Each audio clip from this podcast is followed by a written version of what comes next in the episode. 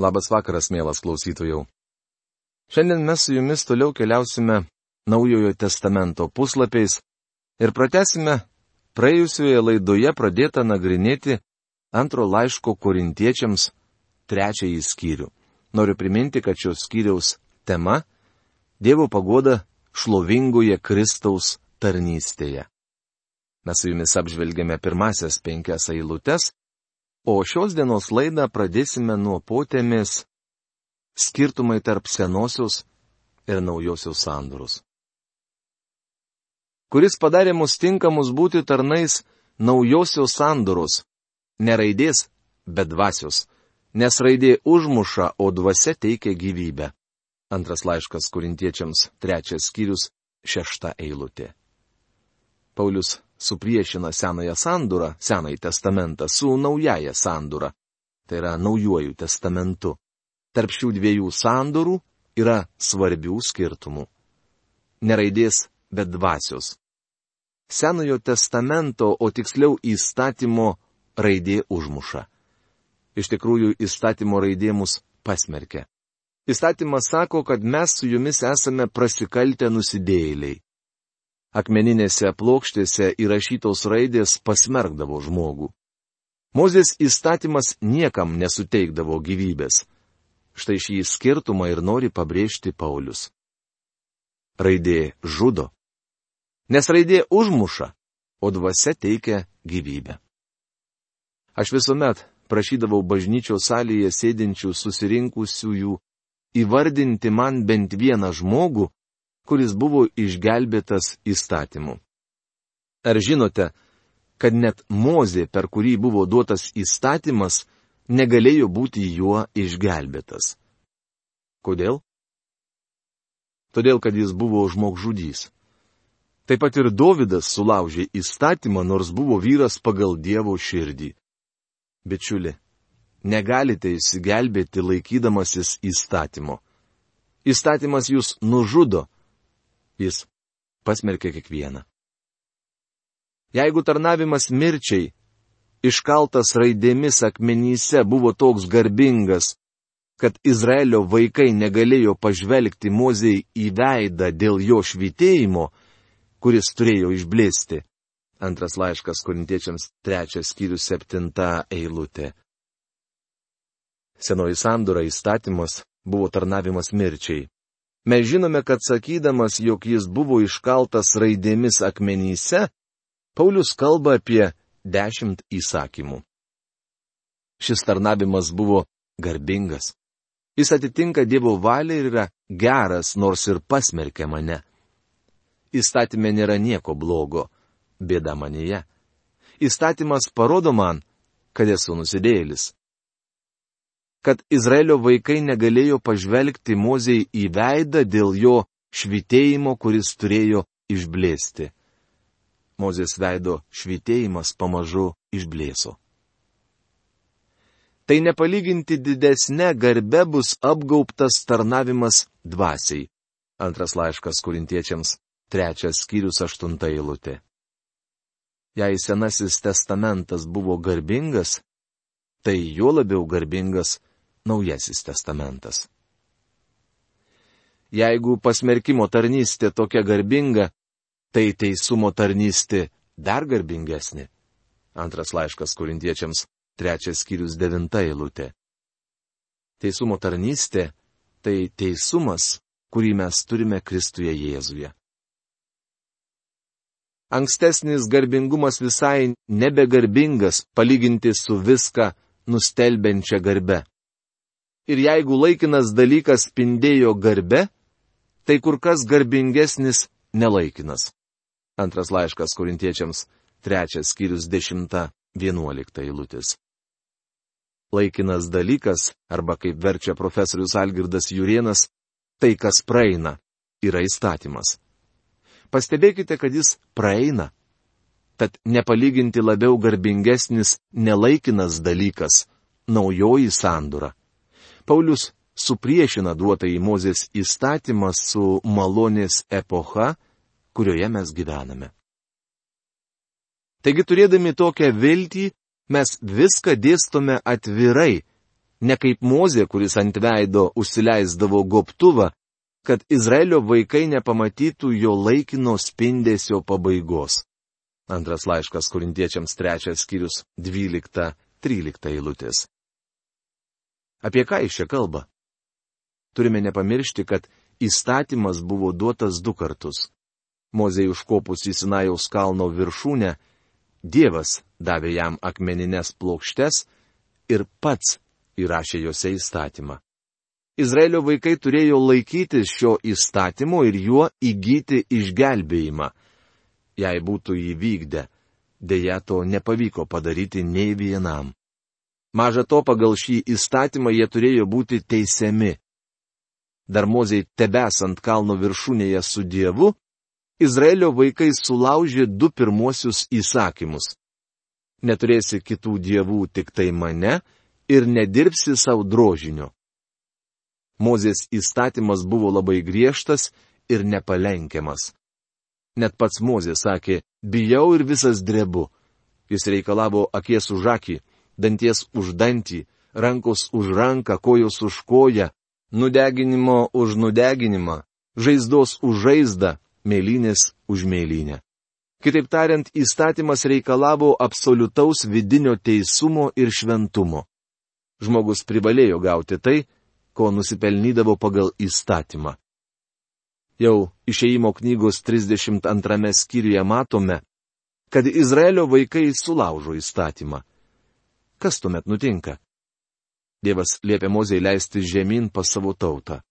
Leisdamasis nuo kalno šis vyras iš tolo galėjo matyti, kad Izraelio vaikai sulaužė du pirmuosius įsakymus todėl neišdryso atsinešti įstatymo plokščių į izraelitų stovyklą. Kodėl? Jei jis būtų tai padaręs, tą pačią akimirką visa Izraelio tauta būtų nušluota nuo žemės paviršiaus. Jie bematant būtų buvę nuteisti, nes šių įsakymų sulaužimas reiškia netidėliotiną mirtį. Taigi Mozė sutrupino akmeninės plokštes, o tuomet atėjo į Izraelitų stovyklą. Toliau matome, kad kažkas įvyksta Mozijai vėl sugrįžus ant Sinajaus kalno. Šis vyras pripažįsta, kad visas Izraelis turėtų būti sunaikintas dėl savo nuodėmis, tačiau prašo Dievo gailestingumo.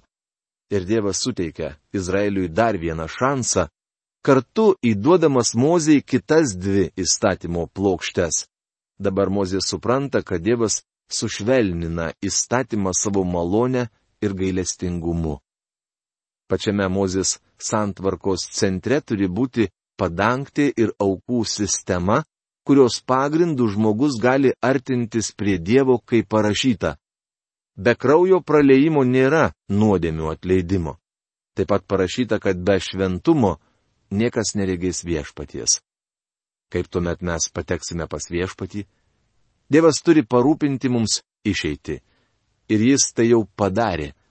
Tai išties nepaprastas ir šlovingas apreiškimas. Nenuostabu, kad Mozės veidas švitėjo. Nusileidęs nuo kalno Mozė savo rankose turėjo naujas įstatymo plokštes. Pasmerkimo ir mirties tarnavimą reikalaujanti iš žmogaus teisumo, kurio šis negalėjo išsiugdyti pats. Tačiau be to dar buvo aukų sistema, kurioje pasireiškė Dievo malonė. Būtent Dievo malonę, išsipildžiusią Kristaus mirtyje ir prisikelime, atrado apaštalas Paulius, kitados buvęs uolus įstatymo besilaikantis fariziejus, ir atėjo metas, kai jis galėjo pasakyti, ir būčiau jame, tai yra Jėzuje, nebeturėdamas nuosavo teisumo, kurį teikia įstatymas, bet turėdamas teisumą iš tikėjimo Kristumi, einantį iš Dievo, paremta tikėjimu, rašoma Filipiečiams laiško trečios skyriaus devintoje eilutėje. Čia matome tikrą šlovės tarnavimą ir girdime šlovingą Evangeliją. Įstatymas buvo garbingas, Jis siūlė žmogui išganimo kelią, tačiau žmogus buvo per silpnas išpildyti jo reikalavimus. Šis šlovingas gyvenimo kelias buvo priimtinas Dievui, tačiau žmogui dėl jo pražutingos būsenos jis tapo tarnavimu mirčiai. Bet štai Kristuje išsipildžiusi Dievo malonė šlovė yra tikras garbės tarnavimas. Kitoje pastraipoje jis vadinamas palaimintojo Dievo garbės evangelija. Palaimintas reiškia laimingas, laimingojo Dievo. Kas padaro Dievą laimingą? Ogi tai, kad jis myli žmonės ir mėgaujasi gailestingumu. Dievas nori išgelbėti žmogų. Michėjo knygos 7 skyriaus 18 eilutėje sakoma, kuri yra toks Dievas kaip tu, kuris atleidžia kaltę ir dovanoja nusižengimą savo paveldo likučiui. Jo piktis netveria amžinai, nes jam malonu būti gailestingam. Dievas nori, kad nei vienas nepražūtų. Jis kalbėjo pranašui Ezechieliui, sakyk jiems, kaip aš gyvas, tai viešpaties Dievo žodis, nenoriu, kad nedorelis mirtų, bet noriu, kad nedorelis sugrįžtų iš savo kelio ir būtų gyvas. Sugrįžkite, sugrįžkite iš savo nedorų kelių, kad nemirtumėte Izraelio namai. Rašoma Ezechielio knygos 33 skyriaus 11 eilutėje. Dievas trokšta išgelbėti. Žmogaus išgelbėjimas jį pradžiugina. Mes turime laimingą Dievą. Mozei nusileidus nuo kalno antrą sykį, jo širdis džiūgavo, o veidas švitėjo. Dabar Izraelio vaikams buvo parūpintas kelias pas Dievą per aukų sistemą. Norėčiau dar kartą pabrėžti, jog Mozė užsileido ant veido goptuvą ne todėl, kad dėl šlovingojo veido švitėjimo Izraelio vaikai negalėjo į jį pažvelgti, bet todėl, kad šis šlovės spindesys pamažu blėso. Mozės veidas švitėjo ir tai nuostabu, tačiau ši šlovė ėmė blėsti. Deja, jų protai atbuko. Iki šios dienos jų akis dengia tas pats goptuvas, kai skaito Senąjį testamentą ir jis lieka nenudengtas, nes jį nuimti te gali Kristus. Antras laiškas korintiečiams, trečias skyrius, keturiolikta eilutė. Jų protai aptemę ir šiandien. Gobtuvas, kurį Mozė dėvėjo ant veido, dabar dengia senosios Dievo tautos protus. Jis dar nenudengtas, nes šie žmonės nemato, jog Kristus yra įstatymo galas, kad įgytų teisumą kiekvienas, kuris tiki.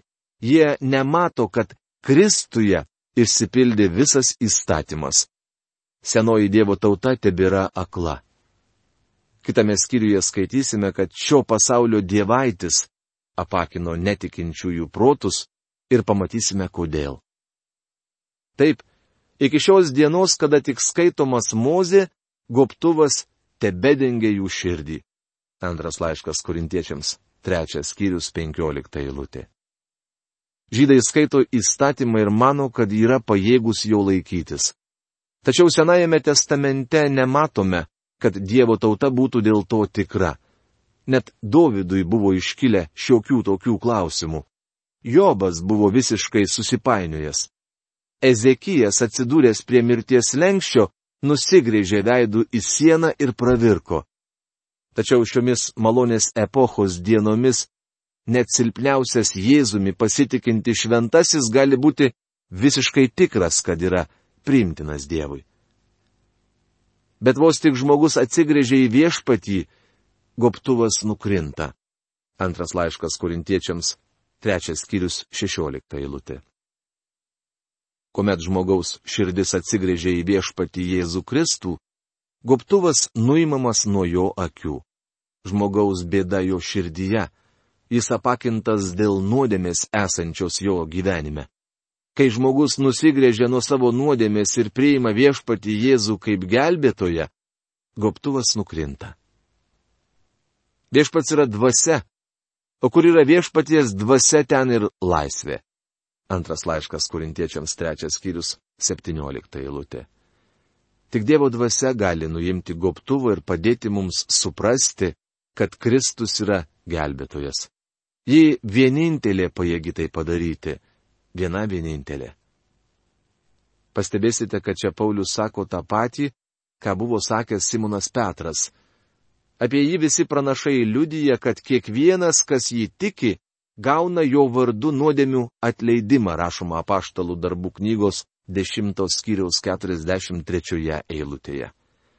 Mano draugė, jei nematote viešpaties Jėzaus Kristaus Senajame testamente, nesate mokomos Dievo dvasios, mat Dievo dvasia ima iš to, kas Kristaus, ir apreiškia tai mums. Dievo dvasia suteikia laisvę, ji neužkrauna mums įstatymo jungo. Dievo dvasia išlaisvina mus iš įstatymo ir atveda pas Kristų. Tuomet mes visi atidengtų veidų viešpatie šlovę atspindėdami, daromės panašus į jo atvaizdą ir viešpaties dvasios veikimu vis didėja mūsų garbingumas. Antras laiškas korintiečiams trečias skyrius, aštuoniolikta eilutė. Profesorius Algirdas Jurienas šią eilutę verčia taip. Ir mes visi atidengtų veidų žiūrėdami lyg veidrodyje į viešpatie šlovę, esame perkeičiami į tą patį atvaizdą iš vieno šlovės laipsnio į kitą, kaip tai veikia viešpats, kuris yra dvasia. Tai be galo nuostabi šventojo rašto ištrauka. Paulius kalbėjo apie gobtuvą, kuris dengia žmogaus širdį. Komet mes atsigrėžėme į Kristų, gobtuvas nukrinta. Kaip tikintieji mes žvelgiame į viešpati Jėzų Kristų, visgi net tikinčiųjų akis uždengia gobtuvas, kai jų gyvenimą įsiskverbia nuodėmė. Tačiau išpažinę savo nuodėmės ir gyvendami bendrystėje su viešpačiu, mes sekame jį. Tuomet atidengtų veidų žiūrime lyg veidrodyje į viešpatie šlovę, kol esame pakeičiami ir galime atspindėti jį. Pone Seward, gyvenusi pietų Kalifornijoje, sudarinėjo išplėstinę Biblijos versiją. Kai dar buvo gyva, mes su ją nepiktybiškai kariaudavome. Jį klausydavosi mano radio programų, kuriuose aš kartais pacituodavau vieną ar kitą eilutę iš jos išplėstinės Biblijos versijos, suabijodamas vertimo teisingumu. Pone Stuart buvo be galo protinga moteris, ir turiu prisipažinti, kad daugelį kovų aš prieš ją pralaimėdavau. Tačiau draugišką kovą dėl šios eilutės laimėjau. Leiskite pacituoti 18.3 skyriaus eilutę iš jos išplėstinės Biblijos versijos. Ir mes visi tarsi atidengtų veidų nuolat regėdami Dievo žodyje, lyg veidrodyje viešpatie šlovę, be paliovos esame atmainomi į jo paties atvaizdą, vis didėjant garbingumui ir iš vieno šlovės laipsnio į kitą. Mat tai ateina iš viešpaties, kuris yra dvasia. Tai puikus vertimas, nežiūrint žodžio atmainomi. Atsimainęs buvo tik viešpats Jėzus. Man dar neteko matyti šventojo, kurį galėčiau laikyti atmainytų. Tiesa, kad Dievo žodis yra veidrodis, į kurį mes turime žiūrėti ir kad jame mes matome Kristų. Žvelgiame tiesiai į jį. Štai kodėl privalome nuolat skaityti Dievo žodį ir žiūrėti į viešpatį Jėzų. Žvelgdami į jį mes keičiamės. Kitaip tariant, Dievo žodis ne vien jūs atgimdo, mus atgimdo Dievo dvasia naudodama Dievo žodį. Jūs esate atgimė ne iš pranykstančios, bet iš nenykstančios sėklos gyvų ir pasiliekančių Dievo žodžiu, rašoma pirmame Petro laiške, pirmame skyriuje 23 eilutėje. Dievo žodis mus keičia. Ak tai be galo nuostabu. Man reikėjo daugiau laiko praleisti stebint jį veidrodyje. Bičiuli, Dievo žodyje mes regime tą, kuris nėra nei superžvaigždė, nei eilinis žmogus. Dievo žodyje matome atidengtą Kristų, o jis nuostabus. Kažkada daktaras Ironsidas papasakojo istoriją apie seną škotą, kuris gulėjo mirties patale ir kankinosi. Gydytojas pranešė šiam vyrui, kad jam liko gyventi nebeilgai. Atėjęs pabūti su jo bičiulis, tarė. Sako, kad greitai mus paliksi. Tikras padrasinimas mirštančiam žmogui. Tuomet tęsė. Tikiuosi, kad eidamas per mirties šešėlio slėnį, nors akimirkai išvysi palaimintojo gelbėtojo veidą. Merdėjantis vyras pažvelgė į savo pašnekovą, sukaupė paskutinės jėgas ir atsakė. Kokią akimirką žmogau?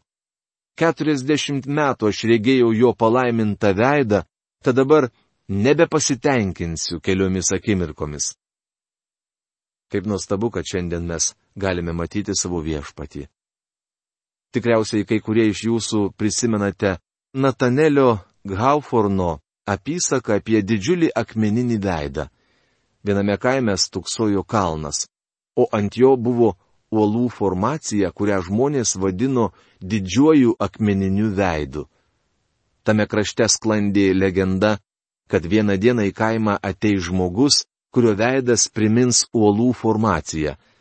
Jis padarysęs kaimo gyventojams daug gerų ir bus jiems tikras palaiminimas. Ši legenda patraukė vieno berniuko dėmesį. Kiekvieną laisvą minutę jis žiūrėdavo į akmeninį veidą ir svajodavo apie tą dieną, kai jų kaime pasirodys panašaus veido žmogus. Bėgu metai. Berniukas tapo jaunuoliu, o vėliau ir seneliu. Vieną dieną jam, beklibikščiuojant gatve, kažkas pažvelgė į jį ir sušuko. Jis atėjo, akmeninio veido žmogus pasirodė. Matote, šis vyras tiek ilgai žiūrėjo į didįjį akmeninį veidą, kad į jį supanašėjo. Paklausykite, bičiuli, ar norite būti panašus į Kristų? tuomet daugiau žiūrėkite į viešpatį Jėzų. Norite būti šventas? Žvelkite į jį. Žvelgia visat vien į Jėzų. Nuo jo nenuleiski akių. Žvelgia į Jėzų ant kryžiaus Golgotoje, kur aukojosi jis dėl žmonių. Žvelgia visat vien į Jėzų, nuo jo nenuleiski akių. Ir ištirps tartum sniegas aplink tave daug dalykų beverčių, menkų. Žvelgi visat vien į Jėzų, nuo jo nenuleiski akių ir dėkoki visat už išganimą, turtą amžiną Dievo vaikų. Man reikia žvelgti į Jėzų. Tikiuosi, kad ir jūs jaučiate poreikį nuolat matyti Jėzų Kristų Dievo žodžio puslapiuose, kad galėtumėte vis labiau jį panašėti. Mėlyjei su šiuo palinkėjimu norėčiau šios dienos laidą užbaigti. Iki kito sustikimo. Sudė.